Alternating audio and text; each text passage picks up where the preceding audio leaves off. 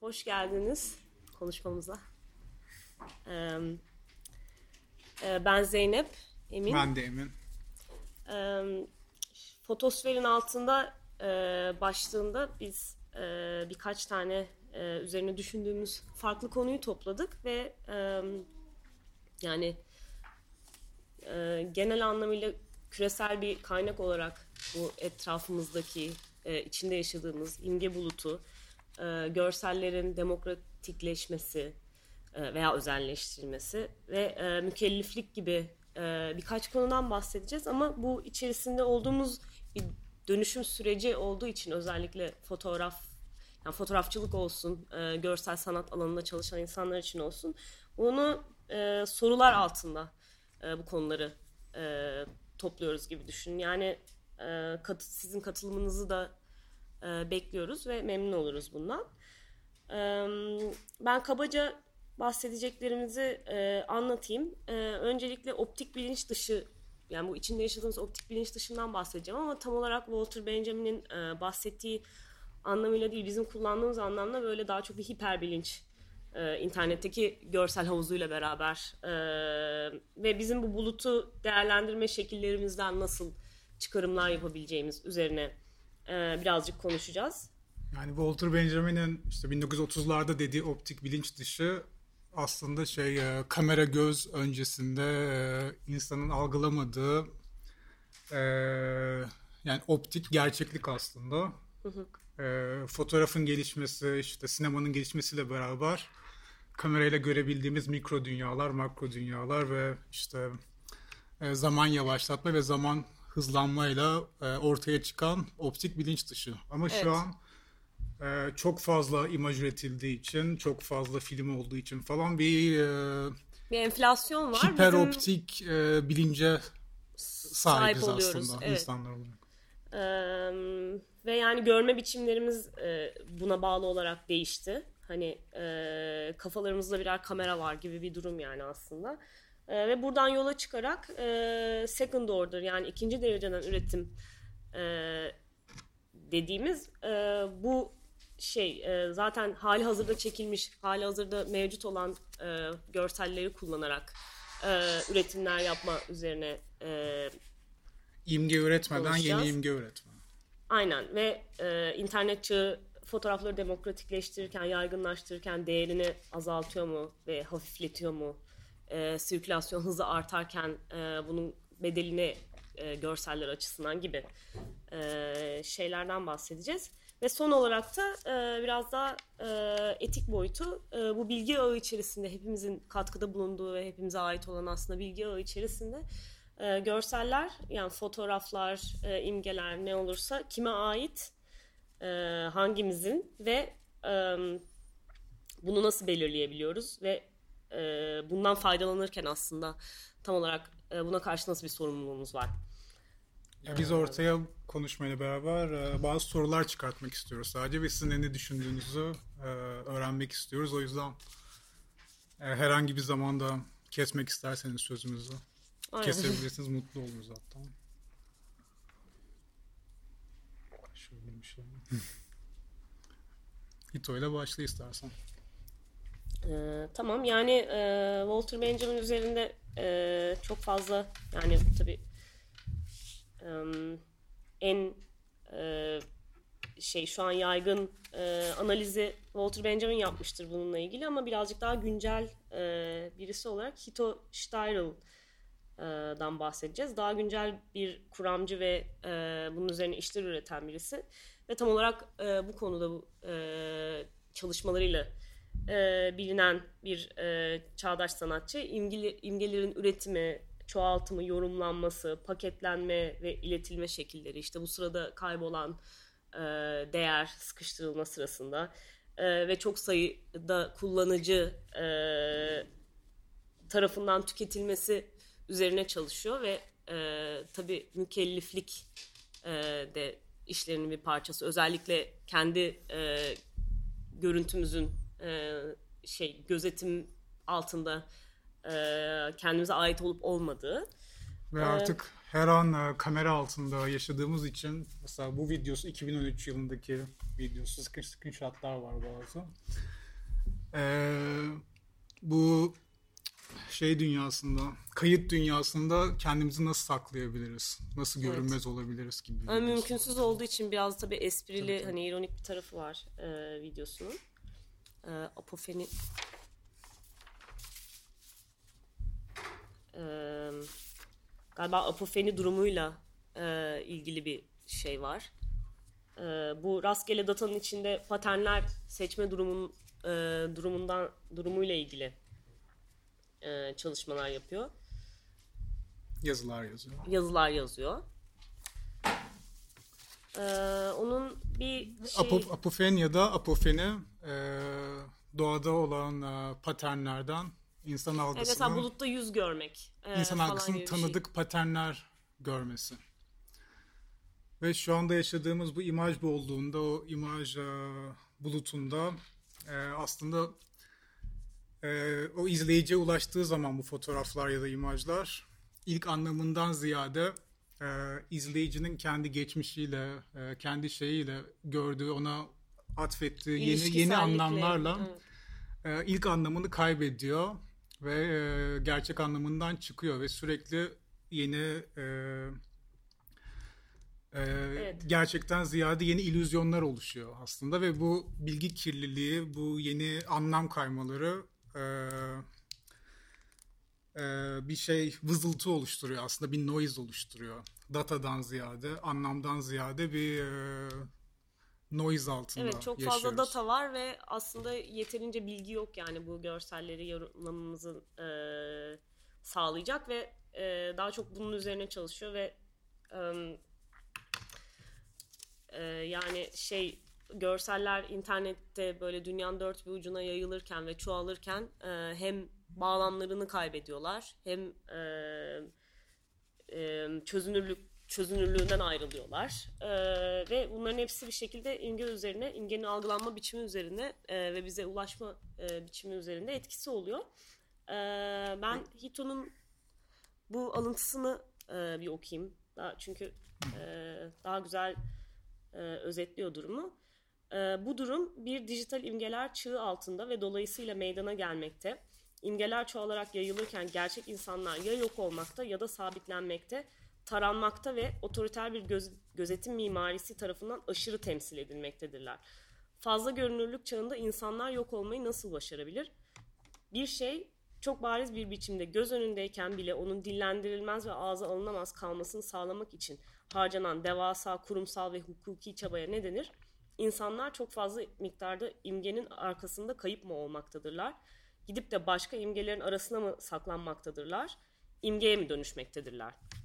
Gibi. Bu çok iyi bir çeviri olmayabilir ama e, biraz konuyu e, özetliyor. Buradan yola çıkarak e, şimdi ben ikinci e, e, second order, ikinci dereceden diye onu da çevirdim ama daha iyi bir öneriniz de olabilir. E, üretime geçeceğim. E, bunun e, yani sanatçılar... Hı? Bu TV's from Craigslist işi evet. üzerinden konuşalım. İlk bu işle başlayacağız. Ee, Penelope Umbrico'nun 2008'de başlamış olduğu. Zaten ilk e, bu e, internet üzerinden e, buluntu fotoğrafları e, ve işlevsel fotoğrafları insanlar işlerinde kullanmaya başladığında bu tarz benzer ve böyle monotipik e, koleksiyonlar yaptıkları şeyleri görebiliyoruz. Bunlardan bir örneği Penelope Umbrico'nun işi. Bu seride şey sahipleniyor yani şey başka insanların fotoğraflarını ve bunlar işlevsel. Craigslist diye böyle şey gitti git yani gitti gidiyor değil de işte eBay gibi de değil. Sahibinden.com gibi bir tane şey var. Web sitesi var. İnsanlar orada televizyonlarını satarken bunun bir ayna versiyonu da var ama şey değil.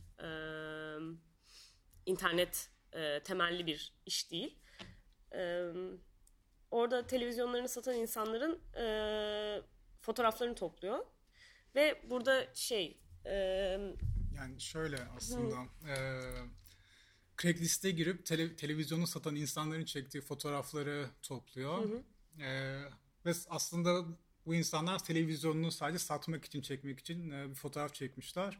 Ama e, bilinçsiz bir şekilde aslında e, televizyondan tüm odanın yansıması, tüm odanın izi e, fotoğraflarda. Aslında istemsiz bir şekilde bir data oluşturma var bu işlerde. Evet. Ve oradan croplar alıp, o televizyonların croplarını alıp bir iş üretiyor. Sanatçı. Evet sanırım süre gelen bir iş. Şey e, enstalasyon görseli vardı. Var mı? Ha, bunun gibi. Bunlar metalik baskılar.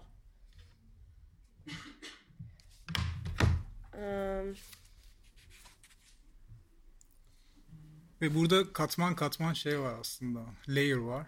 Evet ve burada tekrar e, dolaşıma sokulduğunu aslında e, böyle bir şekilde işlevsel olup e, yok olmak için e, yani yok, normalde yok olacak olan işlevini doldurduğu zaman görsellerin e, böyle bu upcycle dediğimiz tekrar e, bir şekilde dolaşıma sokulduğu başka bir bağlam görüyoruz. E, ve farklı bir aslında çıkarım yapabiliyoruz e, bu görsellerin e, değerlendirilme şeklinden ötürü. E, ve burada fotoğrafta bir aidiyet e, durumundan söz edersek bu fotoğraflar kime ait? İlk evet. önce televizyonu satmak için bu fotoğraflarını çeken insanlara mı? Yoksa e... Ee, bu onları onları tekrar sahiplenen e, bu çağdaş sanatçıya mı ait oluyorlar? E, ekranında bu yani böyle bir argüman da var. Ekranında bu görselleri gören herhangi kişiye mi aitler? E, o sırada kimin ekranındaysan. Yoksa ee, belki de belki de bu soru çok şey bir soru. Ee, hani aidiyet hala 2019 yılında aidiyet mevzusundan konuşmak belki ee, nasıl söyleyeyim? Mükelleflik de diyebiliriz. Biz Mükelleflik. karar veremiyoruz hangisini. Şey e, yani mesela başka e, benzer işlerde e, daha kolay buna karar vermesi. Özellikle e, güvenlik kameraları veya gözetim amaçlı veya kamusal alanın belgelenmesi Google Street View gibi e, ortak kaynaklardan e, kullanılan görsellerde e, zorlanmıyoruz. Mesela John Ruffman, e, Michael Wolff gibi aslında bunlar e, epey bilinen iki e, kamerasız fotoğrafçı. E, Nine Eyes serisi. Nine Eyes serisi. E, John Ruffman daha bir sokak fotoğrafçısı gibi sadece e, Google Street View'da gezinip e, orada enteresan e, bulduğu kareleri şey yapıyor. Yani aslında imaj avcısı böyle bu görselleri özellikle arayarak ortaya çıkarıyor ama şey belli bir sokak fotoğrafı estetiği dışında aslında şey ortak noktaları şey yok yani mono monotipik bir durum yok John Ruffman'ın aksine birazdan onu da e, göstereceğiz.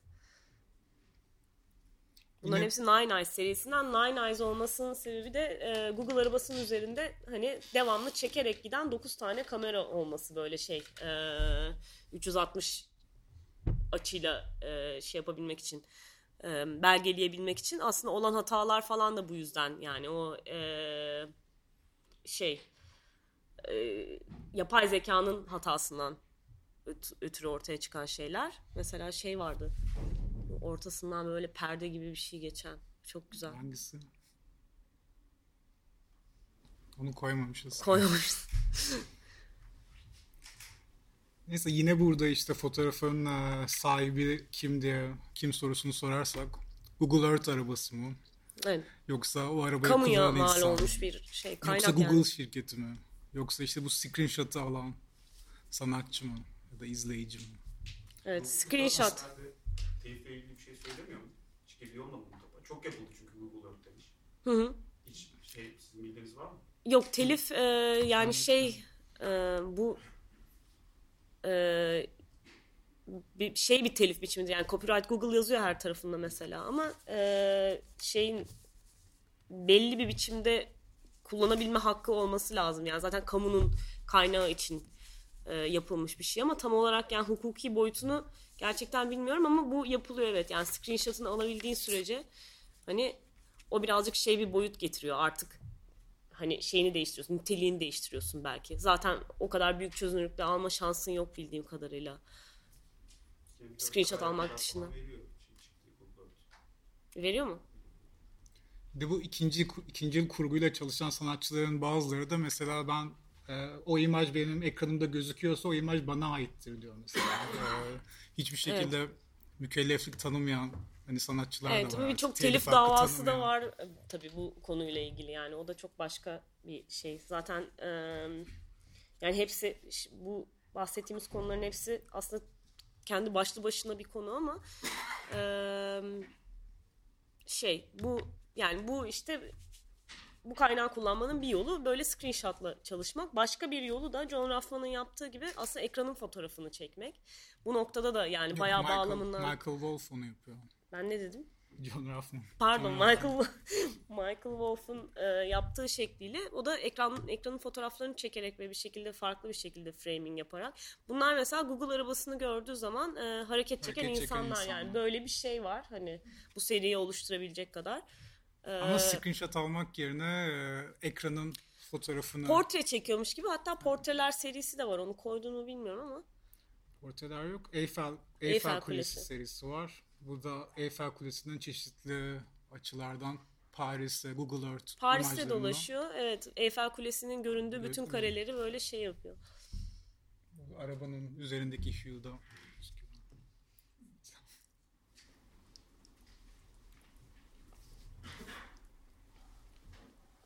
Evet. bu şekilde.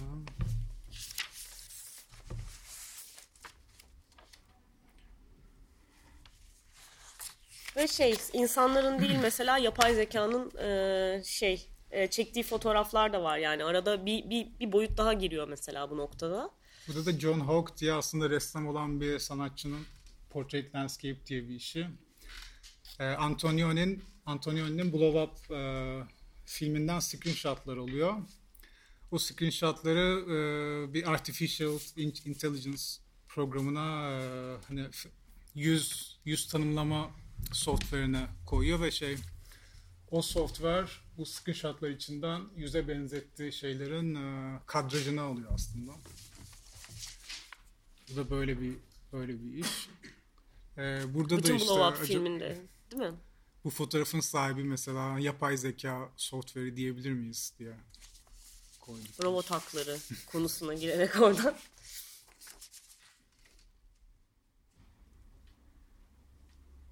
Bir başka bir işte Kristen Markley'in The Clock işi. Bir fotoğraf işi değil ama e, bu ikincil kullanım şeyine uyuyor diye koyduk. Burada da sanatçı e, 24 saatlik bir süper kurgu yapıyor. E, tüm sinema arşivinden e, saatlerin gözüktüğü e, sekansları kesiyor ve 24 saatlik bir kurgu yapıyor. Ve e, izleyici salona girdiği zaman saat kaçsa gerçekten ekranda o saati görüyoruz. Gerçek zamanlı bir iş yani. Gerçek zamanlı bir kurgu.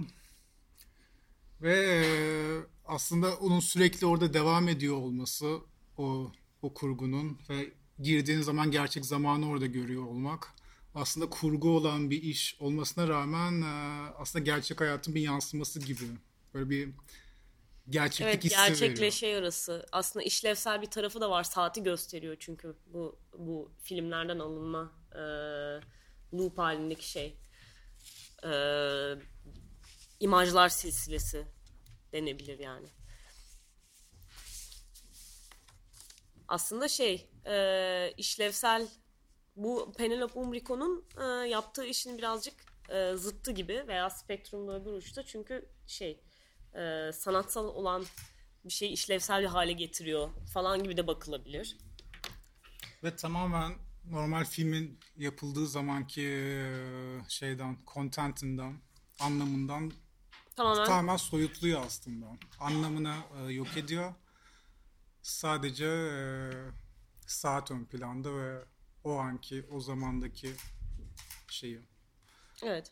gerçekliği önemli. Aslında o filmlerin yani e, filmle hiçbir bağ kalmadığı için o e, şeylerin e, bu alıntıların e, Bu esasında görüntüler o yönetmene ya da o film şirketine ait, ait olmuyor. miyiz? Evet mükelleflik konusunda mesela böyle bir netlik var. Hani o kadar değiştirdim ki, o kadar müdahale ettim ki artık e, buna e, hak iddia edebilecek kişi e, benim. Zaten fotoğrafın hani fotoğrafın editini yapmak yapmanın temelinde de birazcık e, böyle durumlar e, yer alıyor. E, bu noktada e, mükelleflik konusundan da biraz bahsedeceğiz ve aslında şey e, bunun kontrol e, kontrolümüz dışına geldiği durumlar çok fazla oluyor. Gene bahsettiğimiz bu ortak e, ortak görsel bulutun içerisinde ve yakınımızdan bir örnek vermek e, istedik bununla ilgili. E, çoğu insanın bildiği bir e, fotoğraftan bahsedeceğiz ve o fotoğrafın e, e, sahibi de bu arada bize katıldı. E, şey, dün de bayağı bir üzerine konuştuk bu konunun. E, çok ilginç bir e, hikayesi var. Soylulaştırmanın Soyluları serisinden. E, Kuştepe'de çekilen bir fotoğraf serisi bu. Kuştepe'de çekilmiş. E, Engin Gerçek'in e, doğma büyüme Kuştepe'li olan Engin Gerçek'in e, bir fotoğraf serisi yüksek lisans bitirme projesi olarak e, mutenalaşma yani soylulaştırma üzerine e, bir seri çekmeye ve e, oradan e, yakından uzaktan tanıdığı bir şekilde e, bu arada Engin şey e, istediğin yerde düzeltebilirsin beni ben şey e, hani yanlış bir şey söylersem falan e, böyle bir özet geçeceğim dün konuştuklarımızdan e, böyle kent merkezinin gerçek sahipleri kim yani Kuştepe e, çok fazla bir e, e, mutenalaştırma e, dalgasının etkisinde şey hedefinde kalmış bir yer olarak e, kent merkezinin gerçek sahipleri kim ve buna kim karar veriyor? E, burada yaşamayı hak eden kim? Buradan niye dışarı itilmeye çalışıyor bu insanlar? E, konulu e, sorularından yola çıkarak daha doğrusu e, 41 evde Kuştepe'de fotoğraflar çekiyor ve söz konusu fotoğraf bu e, e, çok meşhur olmuş yani internette bir mim haline gelmiş olan e, bu fotoğraf e, söz konusu bu, bu, bu fotoğrafın kontenti dışında işte bir sürü Instagram hesabında. Evet evet mesela işte e, bu anlamsız Kaynağı fotoğraflar. belli olmadan paylaşılıyor ve e, bambaşka bir bir yere gitti yani bu fotoğraf. Evet evet bambaşka bir yere gidiyor. E, yani birazcık da şey hani e, alay içi yani bir, bir hedef mi yoksa böyle bir toplumsal gerçekçilik örneği olarak mı görüyor insanlar? Hani böyle tam olarak e, meşhur olmasının arkasındaki şeyler de hani birazcık biz fikir yürüttük Engin'le hani üzerine bu ne kadar bu başka insanların evinin içerisinde başka insanlara böyle yargı e, yapma kültürüden ötürü mü? Ama neden bütün, bütün bu serinin içerisinden e, özellikle bu fotoğraf yayılıyor? E, bunun birkaç farklı faktör olabilir. Sonra bu fotoğraftaki e, kişiler mesela rahatsızlık e, duymuş bir noktada bu durumdan. Yani haberleri oluyor internete yayıldığını ve bu, bu tabii üzücü e, bir durum. Çünkü gerçekten şey hoş şeyler yazmayabiliyor yani. E, pek çok sitede böyle inci sözlük falan gibi özellikle yerlerde ama e, bir yandan da Engin'in böyle çok güzel bir yorumu oldu benim. Çok, çok hoşuma giden bir yorum oldu fotoğrafla ilgili. Böyle fotoğrafın bir çeşit turnusol görevi e, gördüğüyle ilgili. Çünkü altında yani yorum yapan herkesin kendi e, bakış açısını yansıtıyor aslında. Kendi ön yargılarını yansıtıyor. E, işte, kendileriyle ilgili Tabii o yorumlar aslında, ayna fotoğrafla aslında. ilgili değil de o insanın kendisi hakkında data veriyor. Yani. Evet o insanın kendisi hakkında evet bir bilgi veriyor ve optik bilinçaltıdan bir, bir boyutu da aslında böyle psikanalitik bir çıkarım yapabilmemiz yani insanlarla ilgili ve onların ön yargılarıyla e, dünyayı algılama biçimleriyle ilgili. E, yani böyle durumlarda genellikle şey görüyoruz. Yani bu sadece bir örnek. Ama e, mesela Magnum fotoğrafçısı Susan Meiselas'ın da e, e, Guatemala Savaşı sırasında çektiği e, Molotov Man denilen bir vaka var mesela. Bunun gibi benzer birçok şey var ve genellikle fotoğrafçıların yaşadığı e, yani mükelleflerin yaşadığı e, temel e, sorun e, etik boyutuyla ilgili şey olmuyor yani bu fotoğraf bana ait işte hak iddia etmek falan değil de daha çok öznelerine karşı hissettikleri sorumluluğu e, sorumlulukla ilgili bir şey ve bunun ortaya çıkardığı ikilem yani e, bu insanları böyle göz önüne çıkartmış olmak veya e, onların e, durumun devamlı açıklama isteği ama hepsine yetişememe bu kadar kontrolden çıktığında bir fotoğrafın yayılma biçimi e, böyle bir sürü siteye çıktığında falan e, e, yani evet bağlamından koparılmak yani bağlamından koparılması e, bir birçok anlamda iş üretirken hani özgürleştirici kurtarıcı durum olabiliyor ama e, bu tabii ki e, bizi zorlayan yani iki ucu olan bir durum yani.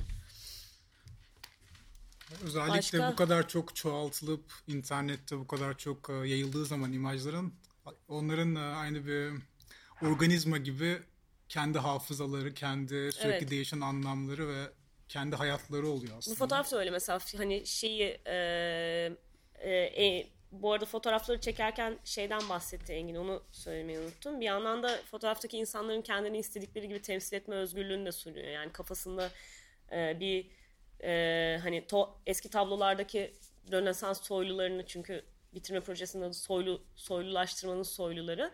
Bu soyluları an- andıran bir estetik e, yol e, bir estetik gözetiyor ama e, daha çok o insanlara bırakıyor ve onlarla iletişim halinde hani onların kabullendiği biçimde onları fotoğraflıyor ve de zaten şey hani, e, akrabası da olduğu akraban da olduğu için fotoğraftakiler. E, bir şekilde bu e, fotoğrafın kalitesi de düşünce internette yayıldıkça bu e, farklı bir şekilde okunabiliyor insanlar tarafından. Yani insanların e, kendilerini temsil etme biçimi ile ay- alay edebiliyorlar. Yani her şeye her şey çok farklı. Aslında burada daha samimi ve o insanların evine girmek istenen bir bakış açısı var. Ama bu tam tersine dönebiliyor. Ee, birçok şeyden sonra.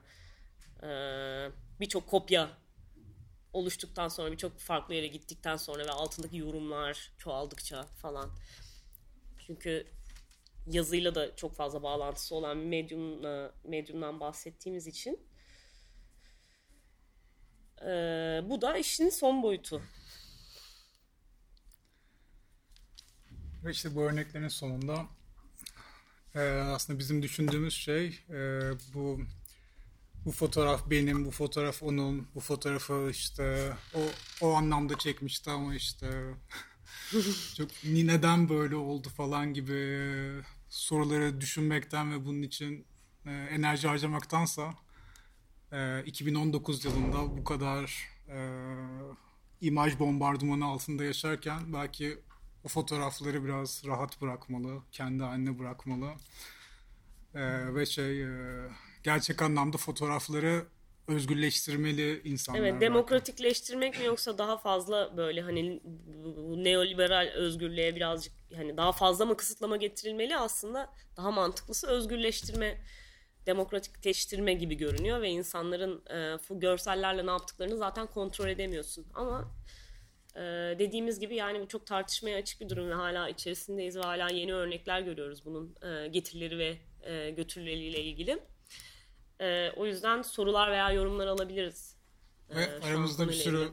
fotoğraf fotoğrafçı arkadaşlarımız da var. Evet özellikle. Ben sizin fikrinizi de merak ediyorum. Mesela e, çektiğiniz bir fotoğraf contentinden anlamından çıkıp bambaşka bir yere gittiği zaman ona hala böyle bir aidiyet duygusu hissediyor musunuz? Yoksa e, Sahiplik duygusu. Yoksa aynen sahiplik duygusu ya da e, bir içiniz kötü oluyor mu bambaşka bir anlamda Oluyordur kullanıldığı ki. zaman? Yoksa rahat mı bırakıyorsunuz onları özgürce? Dolaşsın diye. Dolaşsınlar. Evet, diğer artık- sanatçılar onu alıp e, başka işler üretsinler falan diye. Düşüncelerini söylemek isteyen olursa seviniriz. Ben şey söyleyebilirim. Ee, sanatçı değilim ama sanat hakkında yazmaya çalışıyorum. İsmim Rümeysa. Ee, şey olabiliyor bazen bir, bir işi sadece fotoğraf işte olmak zorunda değil bir şekilde yorumlayan bir yazı yazıyorsun ve yani aslında sen onun yazar olarak sanatçının niyetini de anlayıp başka bir yorum getirdiğimin de farkında da olarak yazdığım yazılara genellikle sanatçıdan "Cık, aslında o öyle değil. Aslında şu konu daha önemliydi. Hatta eğer gençse ve yeni başlamışsa yanlış anlamışsınız gibi e, yorumlar alabiliyorum. Sonra herhalde zaman içinde sanatçılar da yazarlara öyle söylememeleri gerektiğini belki öğreniyorlar. Ama böyle hafif sistemlerden ve şeylerden hani bir tür üzüntüyü hissedebiliyorsun. Ama orada da e, yani sanırım niyeti de belki yazının içine yazıp sonra aslında bu böyle de yorumlanabilir gibi bir şey yapmak benim kendimce stratejim diyebilirim yani. Evet bir kaygı ka- daha kaygılı olduğu için genç sanatçılar özellikle. Evet, Doğru. evet muhtemelen. Hani çünkü orada anlaşılma ediyorum çok. derdinin çok başındalar onlar. O yüzden hani eleştirmek için söylüyorum sadece onu bir Evet. gözlem olarak. Evet evet Söyledim. doğru. Ama Ve aslında e, işte ortaya bir iş koyduğun zaman o iş senden çıkmış oluyor. Ve özellikle bu kadar hızlı kopya işte kopyalanan, çoğalan imajlar sürüsü olduğu için her izleyen de aslında kendi e, kendi anlamını yüklüyor o işe, o fotoğrafa ya da o filme falan. O Evet. yüzden bu işte sen niye Evet genellikle dedin, şeyi görüyorum bir de. hakkında. Yani bir iş hakkında yazıldığı zaman e, güncel sergilerdeki işleri bazen yazıyorsun mesela. E, bir paragraf falan ve e, genellikle insanlar e, böyle bir blog yürüttükleri zaman hani bence o işle ilgili zaten ne yazılmış veya işin künyesinde ne yazıyor işte galeride hani basın bülteninde ne yazmış onundan bir paragraf alıp koyma eğilimindeler. Onun yapılmıyor olması aslında güzel böyle bir şey e, e, blog yazarken ama işte o şey hani kon- kontrolü altında bir de nevrotik bir tayfa olduğumuz için aslında çoğu görsel sanatçı öyle şey bir kontrol etme ihtiyacı falan hissedebiliyor insanlar. Ya bana hep Aslında böyle olması gerekir yani. Ya bana hep şey gibi geliyor. Ya bunu anlıyorum çünkü sanatçıyım çünkü benim çok özel fikirlerim, duygularım, bir şeylerim var. Bunu dünyayla paylaşıyorum. Birileri buna para ödesin ki ben bunu yapmaya devam edeyim. Şimdi orada çok narsist bir şey var. O yüzden onu kontrol etme şeyini anlıyorum ama tabii de yani bir orta bulunmalı. Çünkü bizde yani yazarlarda bizde seni değil seni seçtim gibi bir şeyimiz var ve seni de böyle anlamayı seçiyorum. İşte başka biri de sana böyle hani sadece yazar değil bir sanat seversen de orada da onu anlama ve istediğin gibi anlama özgürlüğü de devam etmeli ki hani olay devam edebilsin. O yüzden zor belki o olayın işte biraz değişmesi gerekiyor artık. Sürekli aynı şekilde devam etmesi değil de o marketin ya da işte o İşte sistemin. farklı sesleri evet ama bu bu da ne bileyim belki sanat eğitiminde şey yapılan bir şey hani e, çok fazla yani geri dönüş önemli ve çok önemli bir şey ama şey değil yani duymak istediklerin değil başka türlü zaten şey yapamazsın. Hani pratiğini geliştiremezsin yani hani istenmediğin istemediğin bir şekilde de algılanmışsa zaten orada yine kendine yapabileceğin bir çıkarım var yani kendi üretiminle ilgili. Teşekkürler. Bir şey söyleyebilirim. Bana biraz şey geldi aslında. Anonimleşme mevzusunu konuştuğumuzda hani bu fotoğraflar üzerinden de hani eee, yani geçtiğimiz yüzyıllarda türkülerin anonimleşmesiyle aslında korelasyon olarak çok benzer geldi. Yani o zaman da lokasyon olarak bir türkünün ya da işte bir sözün dağılımı arttıkça giderek hani sahibini bulmak güçleşiyor ve sürekli herkes yeni bir şey ekliyor. Yeni Kulaktan bir... kulağa gibi.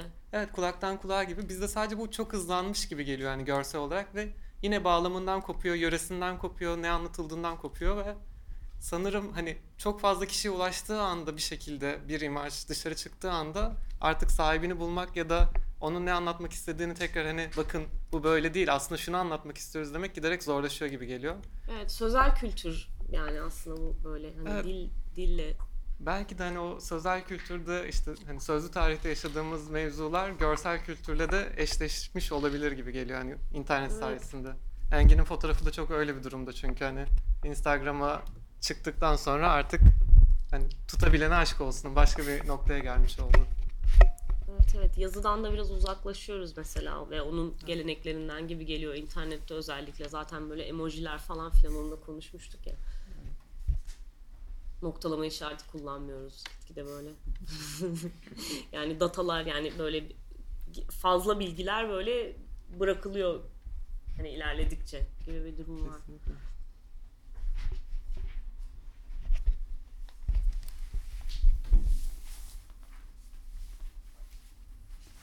Soru da alabiliriz.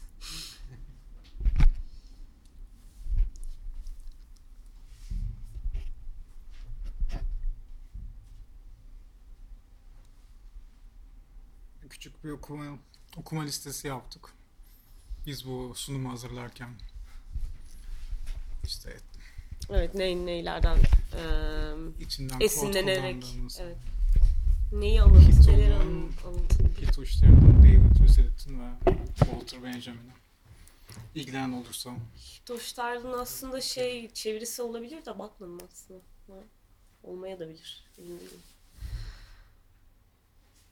O zaman ne yapalım? Bitirelim mi? teşekkürler. Teşekkürler.